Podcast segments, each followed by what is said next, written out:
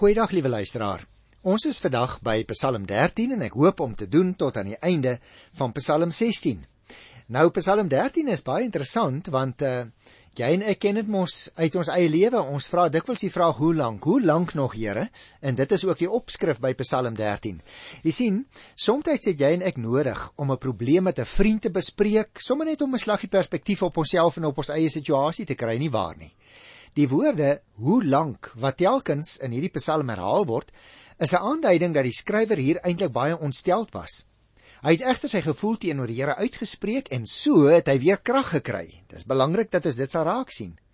Jy sien liewe luisteraar teen die einde van hierdie man se gebed, kon hy sy hoop in en sy vertroue op God bevestig. Natuurlik is gebed die een manier waarop jy en ek ook uiting kan gee aan ons emosies. Ons probleme met die Here kan bespreek want jy sien, die liewe Here gee vir ons die regte perspektief. Hy bring weer vrede in ons harte. Ons lees dit ook in Habakuk 3 by vers 17 tot 19. Nou goed, kom ons lees die eerste 3 versies van Psalm 13 vir die koorleier Psalm van Dawid. Hoe lank gaan u my nog bly vergeet, Here? Vir altyd? Hoe lank gaan u nog van my af wegkyk? Hoe lank moet ek nog my eie planne maak en my dae met kommer deurbring? Hoe lank sal die vyand my nog oor my heers? Het jy opgemerk, liewe luisteraar, die vorige Psalm wat ons verlede keer gedoen het, Psalm 12 by die 9de vers, het die digter ook verwys na die gemeenheid wat daar tussen mense heers baie kere. Nou hier vra hy nou in die 3de vers hoe lank die vyand nog oor hom sal heers. Jy sien, soos daar dikwels assosiasies uit te wys tussen psalms wat op mekaar volg. Hierdie 13de Psalm word soms 'n klaaglied genoem en hy val dadelik met die deur in die huis. Ons sien ook hoekom dit 'n klaaglied genoem word. Hoe lank nog? Hy herhaal hierdie vraag 4 keer en daarmee dui dit op die intensiteit van sy lyding en ook die dringendheid van sy gebed om verlossing. Dit voel vir hom soos vir jou en vir my ook baie keer of hy swaar kry, maar dat sy swaar kry net nooit einde kry nie. Het jy al so gevoel? Hierdie man is op eh, homself aangewese want hy beleef dit asof die Here wegkyk soos hy sê asof die Here wegkyk van hom af en hy sien nie hoe die vyand hierdie man sonder rede laat lei nie. Luister tog geantwoord my Here my God. Gee my tog nuwe lewenskrag. Ek wil nie sterwe nie anders sê my vyand hy het oorwin en juig my verdrukkers oor my ondergang. Jy sien die gedagte wat hier na vore kom dat dit nie net oor hom as bidder gaan nie. Maar hy sê Here, as U my nie uitred uit hierdie situasie nie, kan my vyande ook oor my lag dan kom u eer dalk ook in gedrang. Interessant hoe dit uitgedruk word in die Ou Testament, né? Luister nou na vers 6. Ek hou vas aan u troue liefde, oor die uitkoms wat u gee, juig my hart. Ek wil sing tot eer van die Here omdat hy aan my goed gedoen het. Wonderlik. Die bidder se blydskap is groot oor sy verlossing. Het jy dit opgemerk? Jy en ek juig so min oor ons verlossing. En daarom eindig hierdie klaaglied met 'n loflied pragtige wending in die Psalm. Die bidder se blydskap hier in die 6ste vers is groot oor sy verlosser, want sê hy, wanneer God goed doen aan sy kinders, sien die wêreld hoe die Here help en word die Here se eer eintlik daardeur besing. God is dus getrou, hy het sy mense lief, soos vers 6 die eerste deeltjie sê, en dit is eintlik die enigste rede waarom hy die help wat op hom vertrou. Daarom lyk dit vir my die boodskap van Psalm 13 boesem vertroue by jou en my in. God is getrou en hy het sy mense lief. En dit is die enigste rede waarom God die help wat op hom vertrou. En dit bring my dadelik by die 14de Psalm. Dis ook 'n baie kort Psalm en die tema sou ek sê dat dit hier gaan oor die feit dat dit net 'n dwaas is wat die bestaan van God ontken. Dis 'n belangrike onderwerp in ons tyd, né? En miskien moet 'n mens baie aandag dan gee as mense die Here se bestaan ontken. Luister byvoorbeeld na die eerste versie. Die dwaas dink daar is geen God nie. Dwaase mense vernietig alles. Wat hulle doen is 'n gruwel vir die Here. Daar is nie een wat goed doen nie. Jy sien, liewe luisteraars, 'n dwaas is nie iemand wat dom is of noodwendig onopgevoed is nie, hoor. Dis iemand wat God verwerp. En deur God te verwerp, verwerp hy die een wie se wette die lewe goed en regverdig maak. Om dus God se bestaan te ontken, is om aan boosheid vrye teels te gee in jou eie lewe. Jy sal sien die apostel Paulus haal juis hierdie versie, die eerste vers van Psalm 14 aan in Romeine 3 vers 11 en 12, waar hy die gebrek aan toewyding en die toename in onreg in die wêreld betreur. Daarom moet ons in gedagte hou 'n wyse mens glo egter nie net dat daar 'n God is nie, maar werk ook daadwerklik daarmee om die Here se wil te probeer uitvoer en dit gestalte te laat kry in hierdie wêreld waarin ons woon. Dis interessant liewe luisteraar om op te merk dat Psalm 14 byna woordeliks ooreenkom met Psalm 53. Die opvallendste verskil is egter dat die naam van God op 'n ander manier deurgegee word. In Psalm 14 word die verbondsnaam Here gebruik naas die algemene benaming God. Terwyl in Psalm 53 die verbondsnaam Here vervang word met die algemene naam wat in Hebreëus ook afgode kan aandui. Nou blykbaar uh was die twee psalms reeds voor die huidige psalmversameling in twee ander psalmbundels opgeneem. Maar nou ja, dit is nou nie vir ons van vreeslike belang nie. Die punt is wat die eerste vers in Psalm 14 wil maak, dat die dwaas 'n besondere soort mens is. Hy het genoeg verstand, maar hy weier om dit oordeelkundig te gebruik. Hy weier om te erken dat God se ingryp in die geskiedenis van 'n volk en ook in die lewe van 'n individuele mens werklik waar is. Daarom as 'n mens gaan kyk in Jesaja 32 vers 6, dan sal jy sien Nabal was byvoorbeeld die tipiese dwaas na wie dikwels verwys is deur die gewone mense in die ou tyd omdat die dwaas nog in sy gedagtes, nog in sy dade met God rekening hou. Spreek dit dus van self dat die volgeling van die Here nie baie simpatie van hom sal kry nie.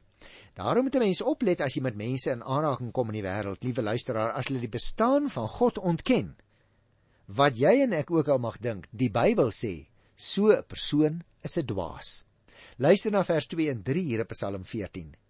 Van die hemel af kyk die Here die mense deur om te sien of daar een verstandige is, een wat na die wil van God vra. Almal het afgedwaal. Die laaste een het ontaard. Daar is niemand wat goed doen nie, selfs nie een nie.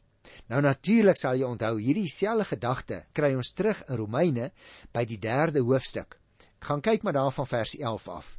Hierdie uitspraak is dus nie die bidder se eie mening nie. Dis 'n werklikheid gegrond op God se eie oordeel oor die mense. O ja, liewe luisteraar, as wêreldregter staan die Here se regterstoel in die hemel en van daar af let nou op die beeld. Van daar van sy troon af in die hemel kyk hy af op die mense om te sien wat hulle doen. Selfe gedagte wat ons kry in Genesis 6 en ook in Genesis 11, né? Is daar nog een wat na sy wil vra, staan hier in vers 2c, en die Here dus as God erken? God vind nie so iemand as hy na die breë mense massa kyk nie. En daarom kom ons gaan dadelik voort na vers 4 tot 6. Julle almal wat onreg pleeg, wat my volk opeet asof julle brood eet en wat weier om die Here te dien, weet julle nie dat daar iets vreesliks met julle gaan gebeur nie? Omdat God aan die kant van die regverdiges is, sal daar niks kom van julle planne teen die hulpelose nie. Die Here bly sy toevlug. Wonderlik dat ons dit kan weet. Want jy sien hier in vers 4 tot 6 vermaan die bidder eintlik die mense wat dwaas optree. Na wie hy verwys het in vers 4 en dan kwalifiseer hy hulle. Hy sê die wat onreg pleeg. Dit is dus die mense wat in magsposisies is waarin hulle hulle mag kan misbruik. Die wat sy volk opeet staan daar. Die wat weier om die Here te dien staan daar. Dus dit gaan oor die mense wat die Here nie aanroep nie en sy raad nie vra nie. Luister hoe sluit hy af in die 7de vers. Ag, mag daar tog uit Sion vir Israel redding kom. Wanneer die Here die lot van sy volk verander, sal Jakob juig, sal Israel bly wees. O, jy sien solank die onreg nog voortgaan in die wêreld, kan die vromes wat ly leef in die vaste wete dat die Here hulle beskerm. Maar die gelowige het ook die verantwoordelikheid om te bid vir uitkoms volgens vers 7. Dan sal die volk van God, dit is nou 'n Nuwe Testamentiese taal, die Christene, dan sal ons ook weer kan juig tot eer van sy naam. Die gelowige weet verseker die oordeel oor hulle wat God misken kom en staan vas Gaan kyk maar wat die Here Jesus sê in Matteus 25 vers 41, maar ook die vryspraak vir die regverdiges, vir hulle wat aan God se wil vra en te doen. Dit staan ook vas volgens Matteus 25 by die 40ste vers. En dan kom ons luisteraars by Psalm 15. Nou eh, ek wil eintlik kom by Psalm 16, maar ek wil graag iets baie interessant uitwys hier by die 15de Psalm. Boaan staan ook 'n Psalm van Dawid. Nou ek het al vir jou gewys dit kan beteken dat dit kom uit die pen van Dawid of dat dit toegeskryf word, opgedra is aan Dawid.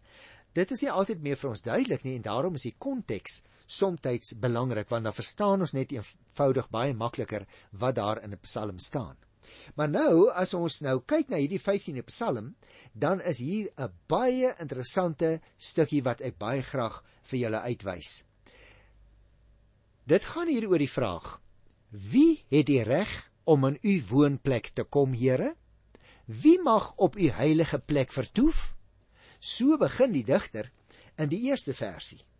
Nou dis interessant want jy sal onthou, nadat die Here Jesus die melaatse mense genees het daar in Lukas 17, het hy vir hulle gesê: "Gaan wys julle vir die priesters." Dan eers sou die priesters hulle kon toelaat om in die tempel in te gaan. Die man op straat in Bybelse tye het eintlik nooit die tempelgebou binne gegaan nie. Slegs die hoë priester het in die allerheiligste waar die ark gestaan het gekom en dit eintlik maar net een keer per jaar op die groot versoendag, né? Gaan kyk maar Levitikus 16, dan sien jy dit weer daar lees. Ons het dit destyds behandel.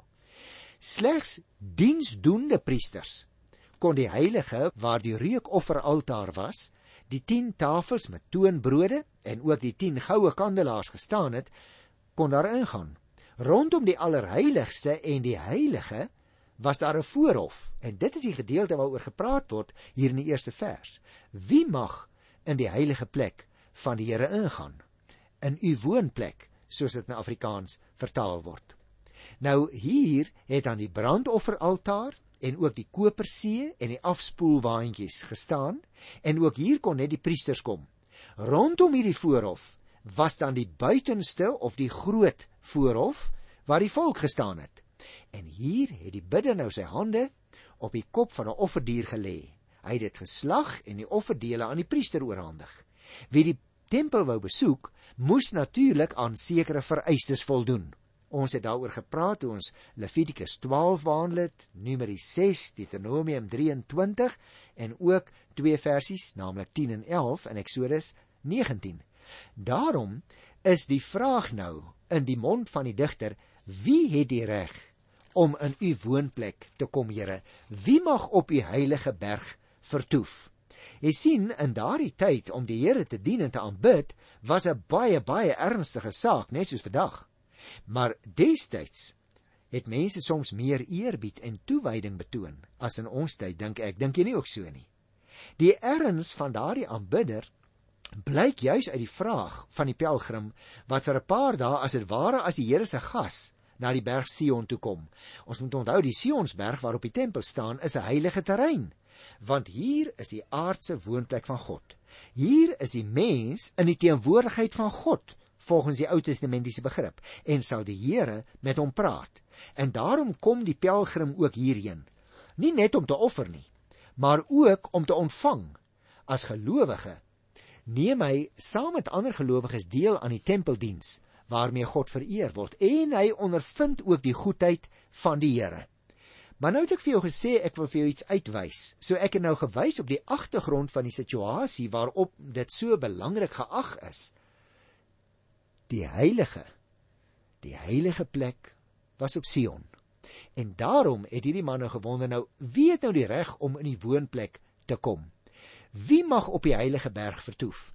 En liewe luisteraars, ek gaan nou nie hierby stil staan nie, maar ek wil vir julle 12 dinge uitwys. Jy sien as 'n mens die Psalm lees, dan merk jy dit nie altyd op nie. So ek gaan dit sommer vir jou nommer soos wat ek dit genommer het hier in my Bybel. En dan wil ek hê wanneer ons dit nou lees, ek gaan myself nie tussenin onderbreek nie. Ek gaan dit doodgewoon net lees, hierdie 12 vereistes. Dan wil ek graag hê jy moet soos wat ek ook sal doen as ek dit lees, elkeen vir homself afvra, Hoe voldoen ek hieraan? As ek in die teenwoordigheid van die Here kom, of dit nou in my binnekamer is, of dit is wanneer ek bid, wanneer ek in die veld stap, of dit is wanneer ek in 'n erediens ingaan, wat is my gesindheid? Luister hoe sê hierdie ou. Wie het die reg om in u woonplek te kom, Here? Wie mag op die heilige berg te vertoef? Nommer 1. Hy wat onberispelik wandel. Nommer 2. Hy wat doen wat reg is. Die derde vereiste wat met sy hele hart die waarheid praat. Vierde vereiste, hy wat nie kwaad praat nie. Nommer 5. Wat sy medemens nie kwaad aandoen nie. Nommer 6. Wat niemand beledig nie. 7. Hy wat die verag wat deur God verwerp is. Nommer 8. Maar hy wat almal eer wat die Here dien. 9. Wat sy woord hou selfs tot sy eie skade. 'n Tiende vereiste. Hy wat sy geld nie op rente uitleen nie. Nommer 11. Wat hom nie laat omkoop nie. Nommer 12. Om die skuldige nie te kort te doen nie. Nou as 'n mens jou eie lewe toets aan hierdie 12 vereistes, dan wil ek vir jou sê, liewe luisteraar, hoe wonderlik is dit dat jy en ek die boodskap van die Nuwe Testament ken.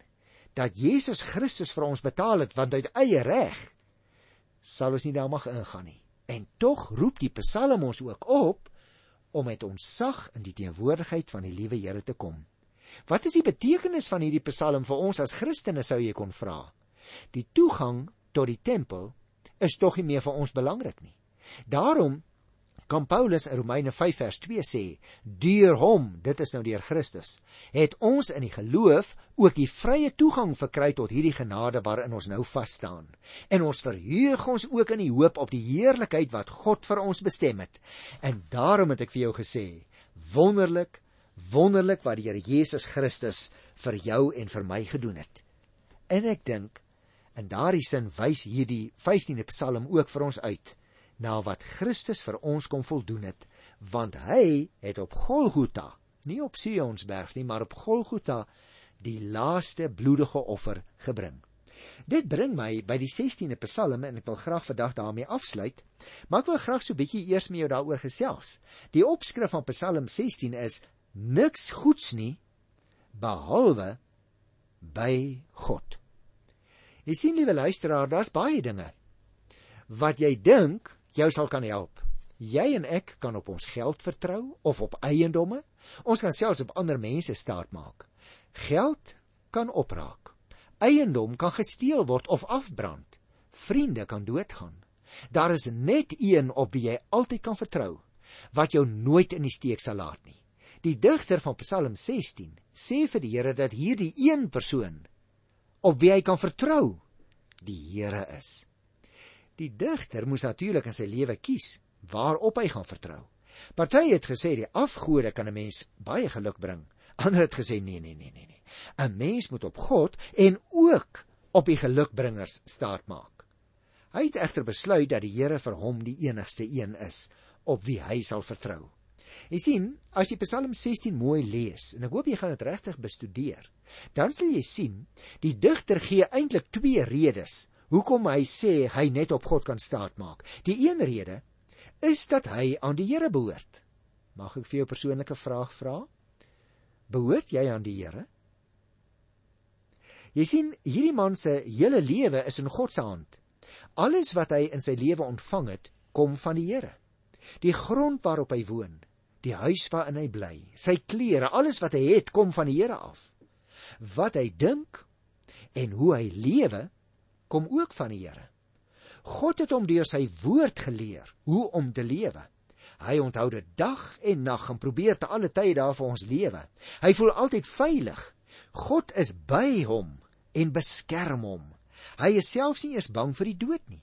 Hy weet die Here sal hom ook bewaar van die ewige dood. En daarom het ons eintlik in Psalm 16 ook, liewe luisteraar, 'n baie goeie voorbeeld van 'n vertrouenspsalms. En hierdie vertrouenspsalms het ek al vir jou gesê, veral wanneer dit deur individue uitgespreek is. Konsentreer op die vertroue wat iemand in God uitspreek.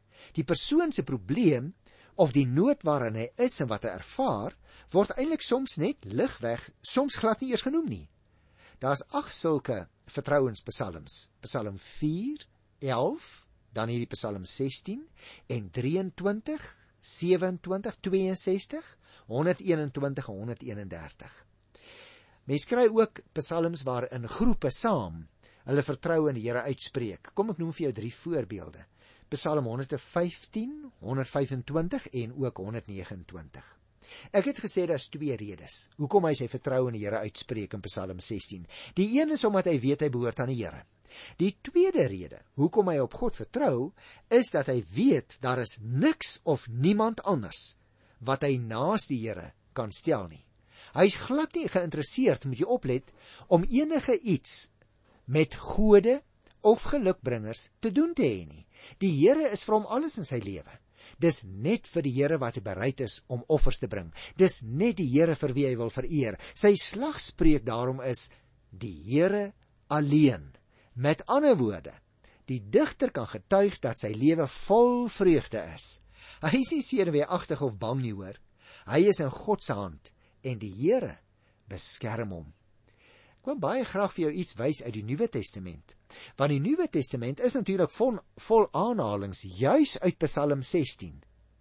In Petrus se toespraak byvoorbeeld op Pinksterdag haal hy Psalm 16 aan vers 8 tot by vers 11. Jy kan dit gaan kyk in Handelinge 2 vers 14 tot 36.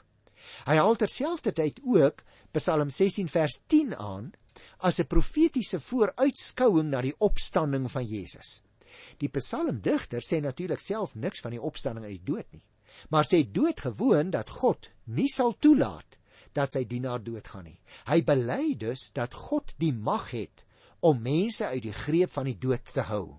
Wat Petrus dus in die Nuwe Testament sê in Handelinge 2 is dat God die mag het om selfs Jesus wat daardie grens oorgesteek het en in die dood beland het, terug te bring na die lewe toe. Die ooreenkoms tussen hierdie Psalm en die Pinksterpreek van Petrus is dus die verkondiging dat God mag het oor die dood. En daarom is dit vir ons so 'n wonderlike Psalm. Ek gaan nou ten slotte, want ek het nog net so 3 of wat minute, vir jou so hier en daar 'n stukkie lees uit Psalm 16, dan kan jy dit self 'n bietjie deurdink, daaroor bid, dit toepas op jou eie lewe en vir jouself vra, wys my lewe vir ander mense na negatiewe dinge soos die dood of wys my lewe vir hulle ook na die opstanding wat ek self ervaar het saam met Jesus Christus. Kom ek lees die Psalm. Dis by Psalm 16. Neem my in beskerming o God. Ek soek skuilings by U. Ek het vir die Here gesê, ek behoort aan U, daar is vir my niks goeds nie behalwe by U. Die afgode in die land so aantreklik vir baie. Met hulle wil ek niks te doen hê nie. Mag elkeen wat 'n ander god vereer, baie smart beleef. Vir afgode sal ek nie bloedoffers uitgiet nie. Hulle name sal ek nie op my lippe neem nie. Here, U is my lewe. U sorg vir my. Tussen hakies, daarom is uh, Matteus 6 vers 25 ook vir ons so belangrik. Jy kan gerus daar van vers 25 af gaan lees in Matteus 6 dat dit die Here is wat vir jou en vir my sorg. Wat ek ontvang, nou lees ek verder, hy sê, wat ek ontvang, kom alles van U af. 'n Pragtige deel is vir my afgemeet. Ja, wat ek ontvang het, is vir my mooi.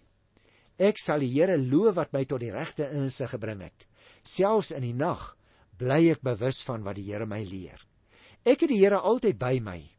Omdat hy by my is, sal ek nie struikel nie. Daarom is ek bly. Daarom juig ek en voel ek veilig. En luister hoe sluit hy af van vers 10 en vers 11. U gee my nie oor aan die dood nie. U laat u troue dienaar nie in die graf kom nie. U leer my hoe om te lewe. By u is daar oorvloedige blydskap. Uit u hand kom net wat mooi is. Ag liewe luisteraar, is dit nie 'n wonderlike psalm nie? Dit beteken natuurlik nie dat hierdie man geglo het dat hy nooit gaan sterwe nie, hoor. Maar hy sê alreeds by implikasie dat hy nie vir ewig sal sterwe nie.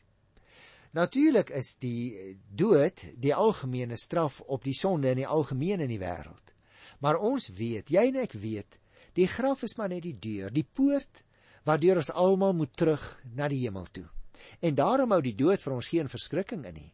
Daarom kan ons ook in ons benouendste situasies steeds die Here aanbid en loof. Want weet jy wat? Niks goeds nie behalwe by God. Dis wat Psalm 16 sê. Ek groet jou op hierdie sterk positiewe noot in die wonderlike naam van ons God. Tot volgende keer. Tot dan. Tot ziens!